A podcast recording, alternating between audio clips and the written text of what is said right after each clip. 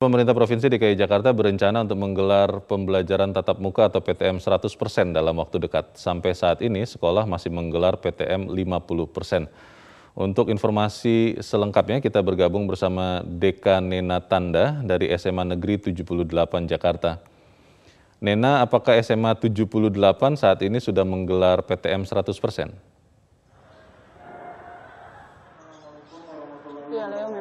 Saat ini untuk SMA 78 ini masih menggelar PTM 50% dan ini masih merujuk dengan uh, surat edaran yang sebelumnya.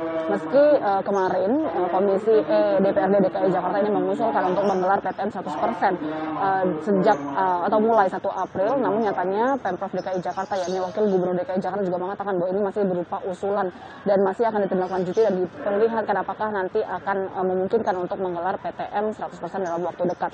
Meski jika dilihat dari level PPKM-nya sendiri, ini untuk uh, Pemprov DKI Jakarta sudah bisa menggelar uh, PTM selama uh, sebanyak 100%. Berkaitan dengan PTM 100% untuk di SMA 78 ini memang uh, sudah digelar uh, PTM namun uh, masih 50% dengan tetap menerapkan protokol kesehatan ketat dengan menyediakan sarana dan prasarana untuk menunjang uh, kegiatan belajar mengajar, yakni menyediakan hand sanitizer, lalu ada juga tempat cuci tangan, wajib menggunakan masker, dan hampir 90% siswa ini sudah tervaksin uh, dosis lengkap. Sedangkan untuk uh, tenaga pengajar ini sudah uh, hampir 80 persennya ini sudah menerima vaksinasi booster. Dan selain itu juga mereka diwajibkan untuk melakukan scan aplikasi peduli lindungi uh, sehingga nanti jika memang diketahui ada yang positif mereka akan melakukan uh, tracing dan juga memang nanti hasilnya di bawah 5% untuk positivity rate-nya maka sekolah akan ditutup uh, selama tiga hari sedangkan jika nantinya ditemukan di atas 5% maka sekolah akan ditutup selama dua minggu. Tentunya hal ini juga masih akan menjadi proses evaluasi bagi Pemprov DKI Jakarta mengingat memang sebelumnya juga ada usulan terkait jika ditemukan ada siswa yang terpapar terpapar uh, COVID-19, maka nanti apakah dimungkinkan untuk mengisolasi hanya anak yang positif saja tanpa harus menutup sekolahan. Leo. Dan mulai hari ini pemirsa Jumat 1 April 2022, Direktorat Lalu Lintas Polda Metro Jaya memperlakukan sistem tilang elektronik di tujuh ruas jalan tol. Penerapan sistem etle ini akan menyasar kendaraan yang melebihi batas kecepatan dan melebihi muatan. Selengkapnya kita bergabung bersama rekan Glory Nata yang berada di ruas jalan tol dalam kota. Selamat pagi Glory, bagaimana pantauan Anda terkait dengan penerapan hari pertama etle ini? Ya Marvin dan juga pemirsa, saat ini saya tengah berada di ruas jalan tol dalam kota, tepatnya di arah Cawang menuju ke arah Semanggi dan terpantau di sini. Saat ini sudah terpasang yang namanya speed camera di mana mulai hari ini 1 April 2022 Polda Metro Jaya telah memperlakukan sistem tilang elektronik atau sistem ETLE yang menyasar dua pelanggaran yakni kendaraan yang melewati batas kecepatan maksimum atau overspeed dan juga kendaraan yang melebihi muatan maksimum atau overload over dimension. Sehingga mulai hari ini kendaraan yang ngebut atau overspeed akan langsung terdeteksi oleh kamera e-tilang ini. Dan memang untuk pelanggaran batas kecepatan maksimum atau speed ini akan dipantau menggunakan yang namanya speed kamera yang sudah terpasang di sejumlah ruas jalan tol yang tentu saja beroperasi selama 24 jam. Dan untuk batas maksimum dari kecepatan kendaraan ini terpantau di 100 km per jam untuk kecepatan minimumnya adalah 60 km per jam. Sementara itu untuk kendaraan-kendaraan yang overload atau overdimension akan dipantau menggunakan alat yang namanya weight in motion atau cara kerjanya ini seperti timbangan otomatis yang akan langsung mendeteksi kendaraan yang sudah melebihi batas muatan. Sementara itu ada beberapa daftar jalan tol yang terpasang kamera e-tilang ini, di antaranya ada lima ruas jalan tol yang terpasang kamera pendeteksi kecepatan, seperti di ruas jalan tol dalam kota, kemudian tol Jakarta Cikampek, tol Layang MBZ, tol Dr. Sediatmo arah bandara, dan juga tol Kunciran Tangerang. Dan untuk dua ruas jalan tol lainnya, ini sudah terpasang alat yang namanya weight in motion atau pendeteksi kelebihan muatan, di antaranya ada tol Jor dan juga tol Jakarta Tangerang sehingga total ada sekitar tujuh ruas jalan tol yang sudah terpasang penerapan sistem tilang elektronik. Mercy, bagaimana proyeksi pergerakan IHSG sepanjang hari ini dan sentimen apa kiranya yang akan mempengaruhi pergerakannya? Marvin dan pemirsa prediksi pergerakan indeks harga saham gabungan hari ini masih akan cenderung menguat meski ada resiko aksi ambil untung yang akan dilakukan oleh investor domestik. Saat ini kita bisa pantau pergerakan indeks yang masih melanjutkan penguatannya semenjak perdagangan kemarin di posisi 7.075 dengan penguatan 0,06 persen. Dan juga Marvin, sebentar lagi kita akan memasuki bulan Ramadan. Analis menyatakan bahwa dalam bulan Ramadan biasanya transaksi perdagangan saham di Bursa Efek Indonesia akan lebih sepi dan pergerakannya akan cenderung melemah. Namun ada sejumlah sektor saham yang dapat diuntungkan dengan adanya momen Ramadan dan Idul Fitri. Berikut pernyataan selengkapnya dari analis Panin Sekuritas William Hartanto.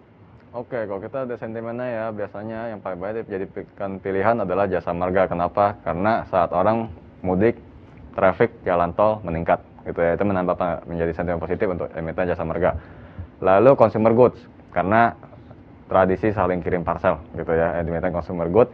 Lalu retailernya jadi saham-saham retailer apalagi kayak department store yang buat pakaian dan lain-lain itu yang biasanya jadi pilihan di saat bulan Ramadan. Dan memang kecenderungannya ada penguatan sih menghadapi sentimen ini. Marvin dan pemirsa, kita juga akan sama-sama pantau bagaimana pergerakan indeks saham global. Di Amerika Serikat pada perdagangan malam kemarin, indeks utamanya yaitu Dow Jones, S&P 500 dan indeks Nasdaq Composite anjlok 1,5 persen karena kekhawatiran terjadi resesi di Amerika Serikat yang ditandai dengan yield obligasi pemerintah Amerika Serikat tenor 5 tahun yang sudah bergerak lebih tinggi dari yield obligasi pemerintah Amerika Serikat tenor 30 tahun dan biasanya uh, kondisi ini yang disebut sebagai inverted yield merupakan tanda sebelum terjadinya resesi dan ini menjadi pantauan para pelaku pasar. Sementara itu indeks utama kawasan Eropa juga bergerak melemah, FTSE 100 di London Inggris turun 0,83 persen dan The DAX di Jerman turun 1,3 persen karena konflik Rusia Ukraina yang belum menunjukkan progres yang signifikan. Sementara itu pergerakan indeks Asia pada pukul 8.40 waktu Indonesia Barat juga bergerak turun. Nikkei Jepang melemah 0,89 persen, indeks Hang Seng Hong Kong anjlok 1,85 persen, dan indeks Retam Singapura melemah 0,07 persen. Sementara itu untuk pergerakan uh, indeks harga saham gabungan sendiri hari ini prediksinya masih bisa cenderung menguat antara 6.954 sampai 7.100 meskipun ada peluang aksi profit taking yang bisa dilakukan oleh investor domestik. Marvin. Marisa, kemudian bagaimana dengan pergerakan nilai tukar rupiah dan juga perkembangan harga komoditas? Ya, Marvin, untuk pergerakan nilai tukar rupiah pagi hari ini berhasil menguat terhadap dolar Amerika Serikat.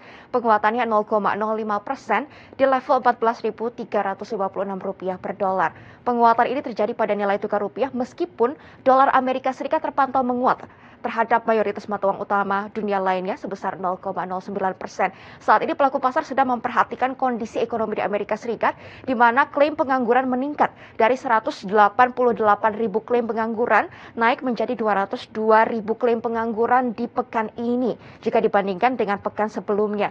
Selain itu pengeluaran untuk konsumsi makanan dan energi di Amerika Serikat juga terpantau semakin tinggi yaitu 5,4 persen. Ini merupakan posisi tertinggi semenjak bulan April April tahun 1983.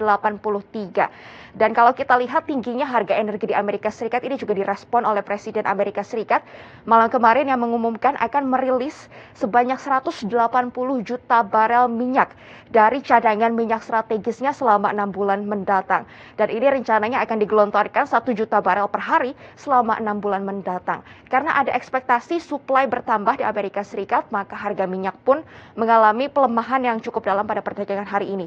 Minyak jenis Brent turun 4,8 persen seharga 107 dolar per barel dan minyak WTI melemah 0,23 persen seharga 100 dolar per barel dan memang langkah ini dianggap langkah yang uh, tepat untuk bisa mengendalikan tingginya harga bensin di Amerika Serikat. Selain itu di dalam negeri Marvin dan pemirsa investor juga akan menunggu bagaimana tingkat inflasi Indonesia di bulan Maret 2022 yang prediksinya akan naik dari bulan sebelumnya 2,06 persen menjadi 2,5 persen. Namun untuk data pastinya kami masih akan sama-sama pantau bagaimana rilis dari Badan Pusat Statistik pukul 11 waktu Indonesia Barat. Pemirsa, memang kabar baik untuk seluruh umat muslim di Indonesia karena Ramadan tahun ini akan berbeda dari Ramadan yang pada dua tahun lalu di masa pandemi. Untuk tahun ini pemerintah sudah mulai melonggarkan sejumlah aturan seperti diperbolehkannya mudik, kemudian juga untuk sholat berjamaah dan juga sholat id serta uh, tidak ada lagi jaga jarak antar uh, jamaah ketika sedang melakukan ibadah. Dan untuk saat ini situasi di Masjid Istiqlal memang masih uh, sepi karena belum dibuka uh, karena nanti persiapan untuk ibadah sholat Jumat sehingga untuk hari ini kami melihat tadi pagi sudah ada sejumlah jamaah yang datang untuk melaksanakan sholat uh, sunnah ibadah duha tadi di dalam masjid tetapi untuk di area masjid sendiri sekarang masih sepi. Kami juga memantau sudah dipersiapkan kebersihan dari Masjid Istiqlal untuk menyambut bulan Ramadan yang diperkirakan akan jatuh pada esok hari.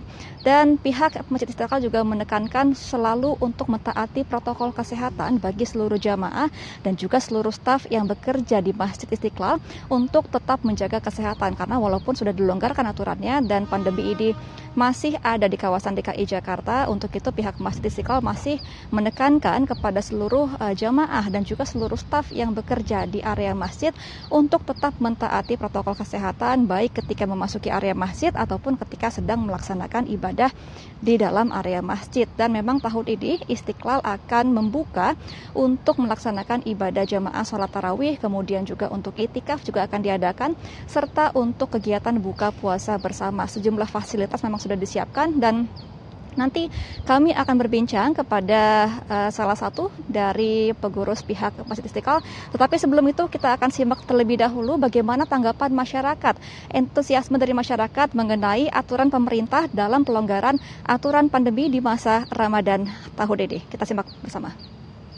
Senang ya, uh, kita sih harapannya bisa kembali hidup normal seperti sebelum COVID, seperti sebelum pandemi. Harapannya ya perekonomian uh, masyarakat kembali normal seperti biasa lah. Kan pemerintah mewajibkan booster ya mas? Booster. Uh, setuju aja sih demi mendukung kehidupan kembali normal lagi. Uh, senang karena kan kita bisa sholat uh, jamaah ya walaupun kita harus pakai masker nih protokol terapi oh, protokol protokol kesehatan nah dengan kayak gitu kita juga lebih apa ya lebih hikmah kalau kita tuh oh bulan ini bulan puasa kayak gitu nah ibu ini kan pemerintah boleh mudik Hah? Iya. Bagus.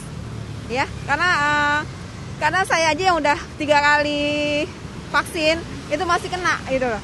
Nah, dengan masyarakat dikasih booster yang ketiga itu ya, itu memang uh, biar imunitas mereka itu juga ini baik gitu loh.